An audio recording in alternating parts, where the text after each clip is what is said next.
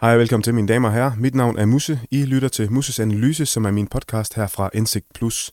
Indsigt Plus, det er mit øh, islamkritiske netmedie. Det er det, jeg bruger som platform til ligesom at øh, skrive mine indlæg og, og oplyse og belyse øh, øh, omkring den islamisering af Danmark, som jeg oplever som eksmuslim.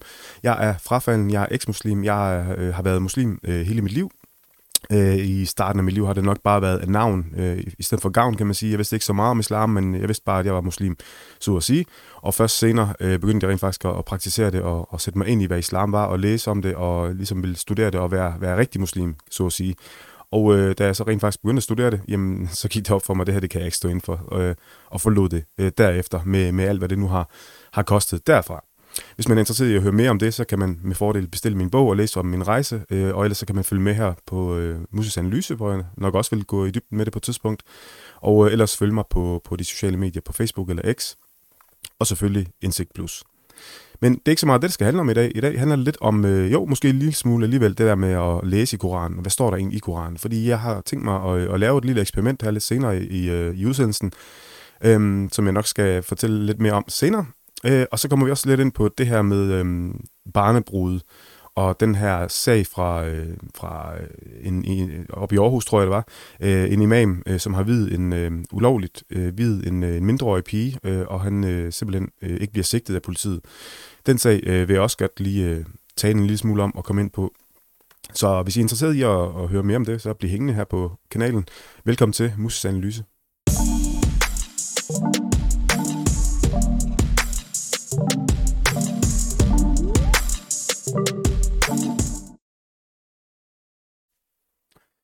I Aarhus øh, kom det frem forleden øh, i Berlingske, kom det frem, at politiet øh, simpelthen ikke sigter en imam, som ulovligt har vid mindreårige piger, eller en mindreårig pige i hvert fald, sådan en enkelt konkret sag, det handler om.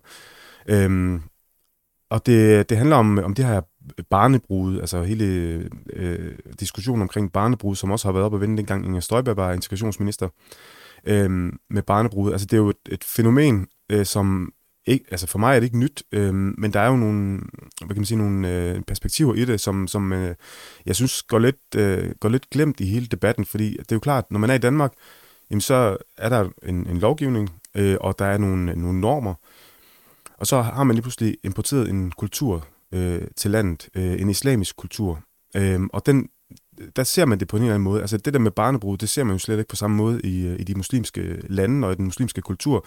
Det ser man slet ikke på samme måde. Men øh, man opfatter det faktisk, altså, vi, vi kan jo bare starte sådan helt fra Koranen, ikke? Altså, øh, eller profeten, som jo gifter sig med, med den her berømte Aisha, ikke? Øh, som hun var seks år gammel, da han giftede sig med hende, og, og ni år gammel, da han øh, dyrkede sex med hende. Øhm, det er noget, som rigtig mange muslimer er utrolig flove over at tale om, og ikke, øh, ikke vil forholde sig til at benægte og snakke om, at det var en anden tid, og dronning Margrethe var heller ikke så gammel, og bla bla bla, sådan noget, ikke? Altså hele de der udenomsnakker og dårlige undskyldninger. Men det er et faktum, at øh, selv profeten, som er et, et, øh, skal være et øh, forbillede til efterlevelse, som i øvrigt er en kæmpe forskel på det, og så en, en dronning, der, der er ikke øh, den samme, øh, hvad kan man sige, ophøjethed, øh, som man har for profeten, som jo er meget, meget hellig. Øhm, men, øh, men han er forbillede, og han øh, gifter sig med en, øh, en pige på 9 år. En pige på 6 år, da, da han gifter sig, ikke?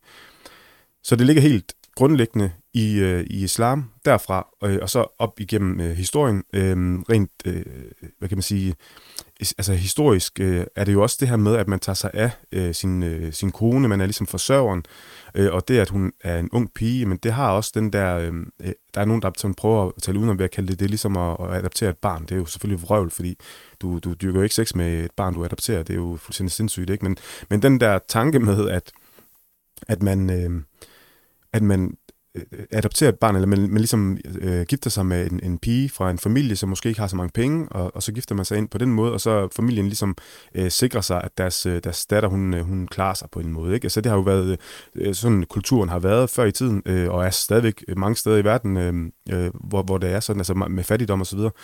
Øh, men ikke desto mindre, så er det jo noget, der bliver berettiget. Det er noget, der, der ikke bliver, hvad kan man sige, man, bliver, man ser ikke ned på det, ligesom i Danmark, altså, hvor, man, hvor man er meget, meget øh, klar i mail i forhold til pædofili og i forhold til øh, dyre sex. Altså, man har nogle helt klare øh, normer, og man har nogle klare holdninger til de her ting.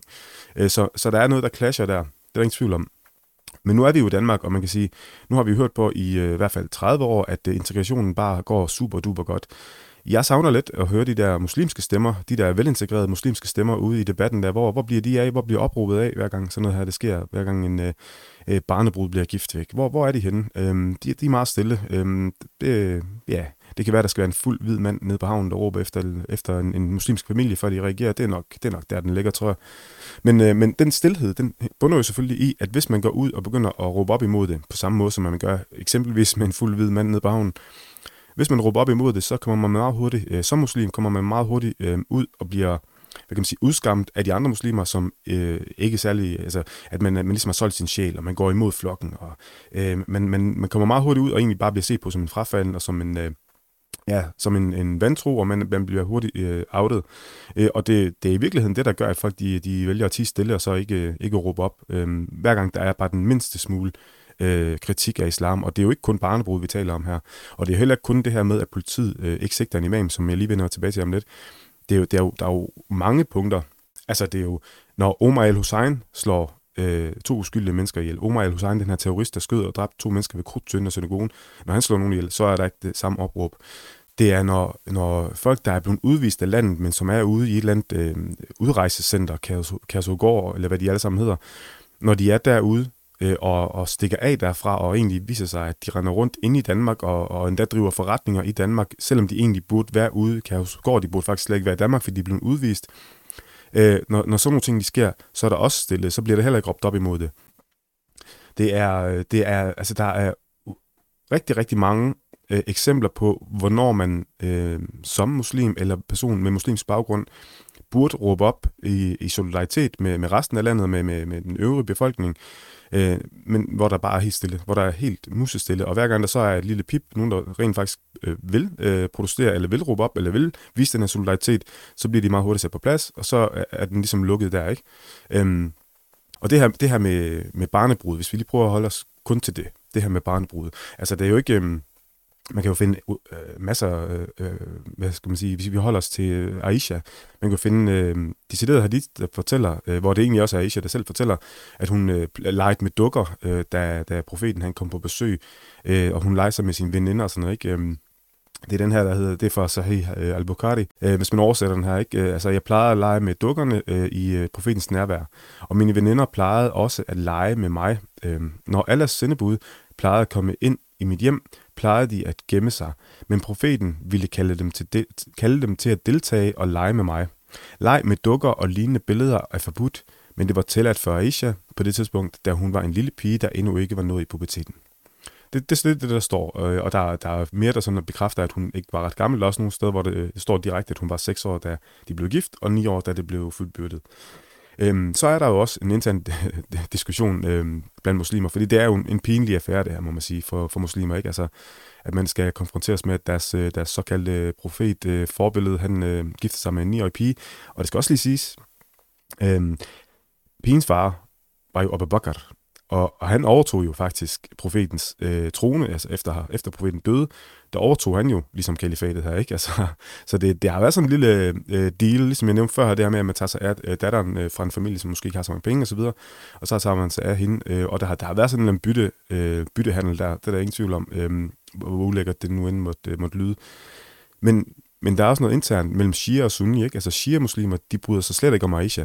Og grund til, at de ikke bryder sig om Aisha, altså den her 9-årige pige, som selvfølgelig voksede op og blev voksen på et tidspunkt, grund til, at de ikke bryder sig om hende, det er fordi, de mener, at hun er en, en, en form for djævel. Altså hun har ligesom skabt en masse ballade og internt intriger øh, for deres stakkels, stakkels profet, ikke? fordi hun jo netop har været ude og så fortælle, øh, hvordan, altså det her, som hun fortæller her, at hun plejer at lege med dukker og sådan noget, ikke? det giver jo ikke profeten et særligt godt billede ud af til. Så der er shia-muslimerne, de er sådan lidt sure på hende, hun skal også bare tige stille, ikke? Øh, hun må bare, øh, hun skal ikke ødelægge profetens øh, eftermæle. Det skal hun godt nok ikke. Hun skal tige stille, og så bare acceptere øh, at blive gift som seksårig. Sådan er det. Det er jo klart. Prioriteterne er jo helt på plads hos muslimerne. Det er der ingen tvivl om. Så. Men, men alt det her, altså hele den, øh, det mindset og den tanke, der ligger i det her, det er jo det, der gør, at sådan noget her, det kan ske med barnebrud. Så er vi jo så i Danmark, hvor der er en lovgivning. Det var jo tilbage i 2021, at, der blev, øh, at det ved lov blev forbudt øh, at, at, vi nogen under øh, 18 år i Danmark. Så der er en lov i Danmark øh, imod det. Øh, og vi er i Danmark, og det er, ikke, øh, det er ikke profeten, der bestemmer her, det er ikke Koranen, der bestemmer her, der er ikke, der er ikke nogen øh, øh, almægtige Allah, øh, der skal have noget som helst at sige øh, i Danmark og i dansk lov, skulle man mene. Øh, men alligevel så sigter politiet ikke den her imam, som har øh, videt den, øh, den mindreårige pige. Og der kan være alle mulige årsager til det. Nu, nu ved, kender jeg jo ikke politiets øh, efterforskninger, hvorfor og hvorledes. Øh, der kan være mange grunde til, at de kan har gjort det. Øh, men uanset hvad, så er det jo helt skævt, at man, øh, man på den måde lader øh, en imam slippe øh, for loven. Altså man lader ham øh, bryde loven, helt åbenlyst. Man lader ham også være med til at, at, at ødelægge nogle liv i virkeligheden også, ikke? Øhm, og man sigter ham ikke. Han har brudt loven, og, og det er jo det, man, man skal dømme ham på, øh, og det er det, politiets opgave er i virkeligheden. Øh, men igen, så, så er der, ligger der også en bagvedliggende øh, mentalitet i Danmark, det her med, man i mange år også har gjort det her til en industri i virkeligheden, ikke? Altså ligesom med krisecentrene, det er jo, det er jo en industri efterhånden, hvor man hvor folk har et arbejde, øh, og folk øh, skal, skal øh, hvad skal man sige, have brød på bordet, og det bliver bare en industri i virkeligheden, ikke? Altså, hvor man jo i virkeligheden burde tænke, okay, hvorfor er det, at kvinden i et voldsramt hjem, altså en voldsramt kvinde, hvorfor er det, at hun skal stikke af og flygte fra krisecenter til krisecenter, når det i virkeligheden bare er manden, der skal smides ud. Ikke? Altså det er jo virkelig voldsmanden, eller voldskvinden, det kan jo også godt være tilfældet, men det er den, den, øh, det er voldt, øh, vold, voldsmanden, der er, der er problemet, og det er voldsmanden, der skal ud. Det er jo ikke kvinden, der skal flygte fra det ene til det andet. Men det er jo sådan, det er i dag, fordi det er skruet sammen på den måde, at det, det bliver sådan en industri, hvor man, øh, hvor man har en masse socialrådgiver, man har en masse ansatte øh, konsulenter og alt, alt det her. ikke. Kæmpe maskineri, hvor det bare bliver en, en pengemaskine i virkeligheden, desværre. Og hvor folk jo i virkeligheden bare ender med at, at, at være en slags journalnummer. Og det er ikke for at tale krigscenterne ned. Jeg, jeg ved, at de, de gør et kæmpe øh, rigtig flot arbejde øh, på, på rigtig mange krisecenter, det er slet ikke det, og de mener det sikkert også rigtig godt, men det er bare det, ligesom bliver skabt. Øh, og, og den mentalitet, der ligger bag det, altså det der med, at man egentlig ikke vil løse problemet rigtigt, rigtigt, rigtigt, men simpelthen sådan lappeløsninger og sådan lidt, øh, det skal se fint ud på papir og sådan noget, ikke? Den tanke er, ligger jo bag alt det her, øh, og det, det tror jeg også, at det der, der ligger bag den her øh, øh, manglende sigtelse af imamen, at man... Øh, men, man, man vil ikke rigtig løse problemet. Øh, og vil man det, så har man jo sigtet ham, så har man jo også dømt ham. Men det vil man ikke, og jeg tror, jeg, tror, der, altså, jeg, tror, jeg, jeg læste et uh, argument om, at, at det vil faktisk skade øh, pigen, hvis, øh, hvis man gjorde det. Og det er, jo, det, er jo, det er jo selvfølgelig rigtigt, det kan det godt gøre, men det er jo, det er jo en, noget nonsens at lade være med at sigte en, fordi så kan det skade. Altså så, er man jo, så ved man jo, at det miljø, som pigen er i, det er helt destruktivt. Det er, det er så destruktivt, at hun, hun jo slet ikke burde være i det miljø så. Og så de mennesker, der vil gøre hende ondt, jamen, så skal de også sigtes. Så skal de vel også i fængsel. Så skal de også udvises. Whatever der nu sker med dem. Så er det jo det, man må gøre, i stedet for slet ikke at sigte nogen, og så frede dem på den måde. Det er et helt forkert signal, man sender først og fremmest, øh, og, og et kæmpe svigt. Øh, og der, der skal man så også huske, når man siger, at det er et kæmpe svigt, det er jo selvfølgelig set med, med danske øjne, fordi man er også nødt til at huske på, der er jo også barnbrud derude, som jo er øh, opvokset med den her logik, at det er, det er sådan, det er. Altså, jo, jeg skal giftes, når jeg bliver 16. Det er, det er sådan, de vokser op med, det er sådan, det skal være. Der er nogen, der vokser op med, okay, jeg gifter mig bare, så jeg kan komme, komme ud -agtigt. Øh, der, er, der er mange årsager til, hvorfor de gør det. Og når de selv er der, hvor de gør det på den måde, der, så, så, kan man ikke, så kan man ikke se dem som ofre længere. Øh, det kan jeg i hvert fald ikke. Så kan man ikke se dem som ofre længere, fordi så har de jo også ligesom taget valg, så er jeg helt med på, at det valg, det er jo ikke taget sådan helt selvstændigt. Det er jo selvfølgelig noget, man er indoktrineret med for siden barns ben øh, og derfor træffer man det også. Øh, men, men du kan jo ikke du kan ikke gøre nogen til offer, som ikke øh, selv vil, øh, vil erkende, at de har et problem eller har brug for hjælp. Så kan, så kan man ikke hjælpe øh, den slags mennesker. Jo. Men det, hele den her sag her, den bringer mig lidt over til en anden lov, som også blev vedtaget. Den blev så vedtaget i 2023. Det er den berygtede Koranlov, eller som den bliver kaldt i, i folkemunden, Koranloven. Det er jo ret interessant, at Koranen som indeholder adskillige vers, adskillige vers, som egentlig er med til at retfærdiggøre sådan noget som barnebrud, for eksempel. Som er med til at ophøje en profet, der gifter sig med en seksårig. Som er med til at, at tale ned om folk, der ikke vil tro på det. Tale ned om folk, der tror på noget andet. Øh, som er med til at, at egentlig forhærlige eller retfærdiggøre øh, vold, og drab. Sådan en bog, den må vi ikke behandle utilbørligt, som det kaldes. Den må vi ikke brænde.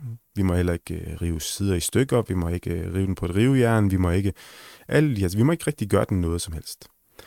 Så jeg tænker lige, øhm, og det, det, det er sådan lidt et eksperiment, det jeg har tænkt mig at gøre nu, fordi så vidt jeg kunne forstå, i hvert fald på alle politikerne, som stemte for, som ligesom prøvede at, at retfærdiggøre det over for sig selv, der handlede det lidt om det der med, at man ikke rigtig gør det øh, på ambassader, foran ambassader og sådan noget, øh, offentligt og sådan noget. Men nu sidder jeg her i min podcast. I kan høre, hvad jeg siger. I kan høre mig. Så jeg har simpelthen tænkt mig at læse nogle vers op fra Koranen af, som jeg mener er forkastelige. Og så vil jeg rive de sider ud, som versene er skrevet op i. Så det vil jeg prøve nu, og så må vi jo se, hvad, hvad der sker. Nu skal I høre, mine damer her. Nu sidder jeg nemlig her, finder jeg den lige frem her, sidder med en, en koran, og øh, det er faktisk en koran, jeg har fået af en af vores medlemmer i foreningen Frafalden, som øh, gerne ville have, at jeg øh, brugte den, da vi, da vi demonstrerede. Øh, inden loven, øh, koranloven blev indført, der demonstrerede vi jo nede ved både den tyrkiske ambassade en gang, og foran Christiansborg en gang, hvor vi demonstrerede imod den her øh, koranlov, øh, for ligesom at gøre opmærksom på, øh, hvorfor øh, Koranen egentlig øh, fortjener at blive brændt, og fortjener at blive, blive øh, kritiseret, og, og, og hvor meget det her, den her lovgivning, det er en helt forkert vej at gå i forhold til øh, islamis, islamiseringen af, af Danmark, og øh, hvordan det egentlig er et, øh, hvad kan man sige, en eftergivenhed, at man giver efter for, for islamisternes øh, øh pres og tryk, øh, både den, den trusselmæssige, øh, det trusselmæssige pres, og også det økonomiske pres, og, og hvad der ellers er med øh, fra de øh, ja, venner i det globale syd, der kom. Øhm, der er også nogle videoer af den demonstration i øvrigt. Øh, den kan man finde på, på YouTube og Facebook og sådan ting. Men det er ikke det, det handler om lige nu. Lige nu der vil jeg øh, simpelthen læse op øh, fra Koranen af nogle vers, som, øh, som jeg mener er, er forkastelige. Så hvis I øh, lytter efter, så øh, vil jeg læse op. Så er der 4, vers 89. De ville ønske, I var vantro, ligesom de selv er vantro, Tag ikke nogen af dem til venner, før de udvandrer for Guds sag. Hvis de vender sig bort, skal I pågribe dem og, og dræbe dem, hvor end I finder dem. Tag ingen af dem til venner eller hjælper. Ja, den bryder vi os ikke om. Så det jeg gør nu, det er, at jeg tager siden, som den er i her. Og så river jeg den ud, og så må vi se, om vi kan høre det her.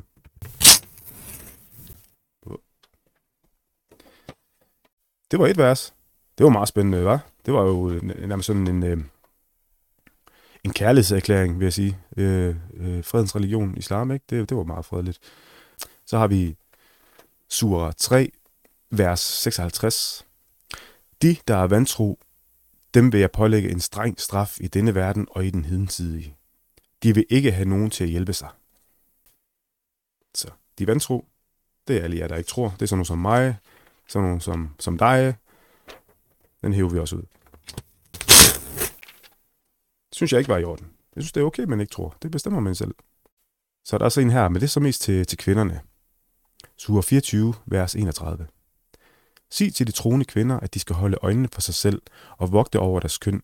De må ikke fremvise deres bryd, bortset fra det deraf, der er synligt – de skal, og de skal lægge deres hovedslør hen over deres halsudskæring. De må kun fremvise deres bryd for deres ægtemænd, deres fædre, deres svigerfædre, deres sønner, deres ægtemænds sønner, deres brødre og deres brødres og søstres sønner, deres kvinder, deres slaveinder, mandlige tjener uden kønsdrift og børn, der intet ved om kvindens private kropsdel.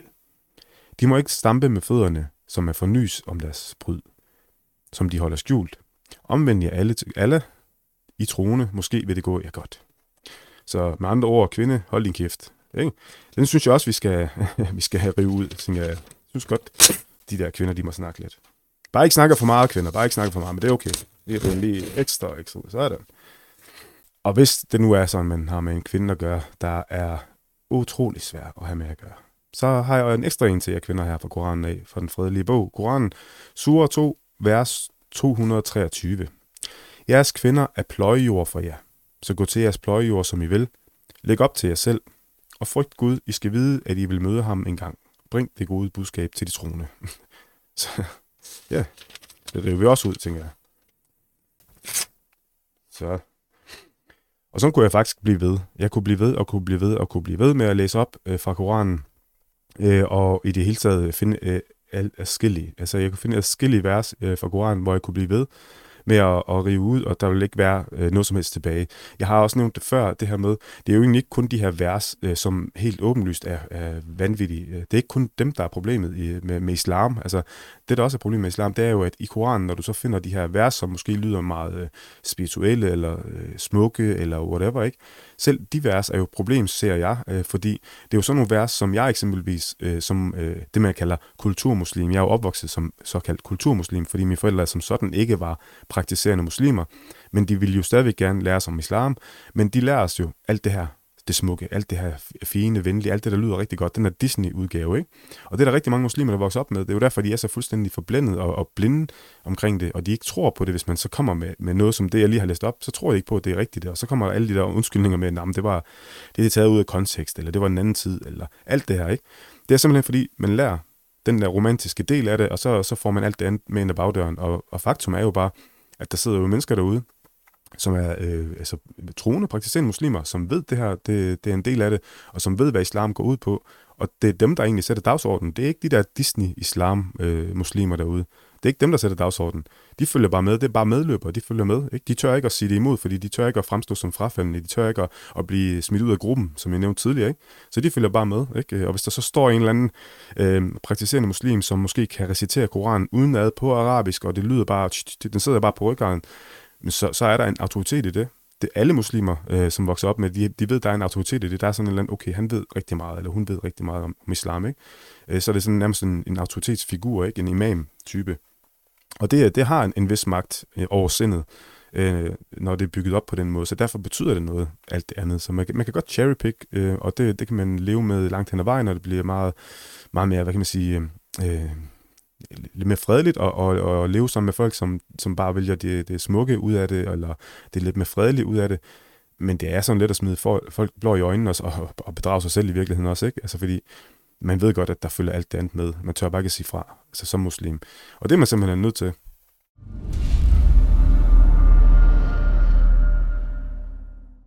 Mine damer og herrer, det var alt, hvad jeg havde for jer i den her omgang. Øh, tusind tak, fordi I lyttede med. Tusind tak, fordi I deler min podcast derude. Tusind tak for anmeldelserne derude. Super fedt at se. Øh, næste søndag, der bringer jeg igen et øh, afsnit, øh, og øh, næste afsnit, eller næste søndag, bliver vinderen af min øh, krammebamse konkurrence også trukket og offentliggjort her i podcasten. Øh, en lille musesanalyse krammebamse, som man kan vinde. Der kan man gå ind på min Facebook-side øh, og øh, se, hvordan man kan vinde den. Øhm, og øh, ellers så vil jeg bare ønske jer en, øh, en rigtig god søndag. Øh, fortsat god søndag herude. Øhm, og øh, pas godt på hinanden. I har lyttet til Mus Analyse, en podcast fra Indsigt Plus. thank you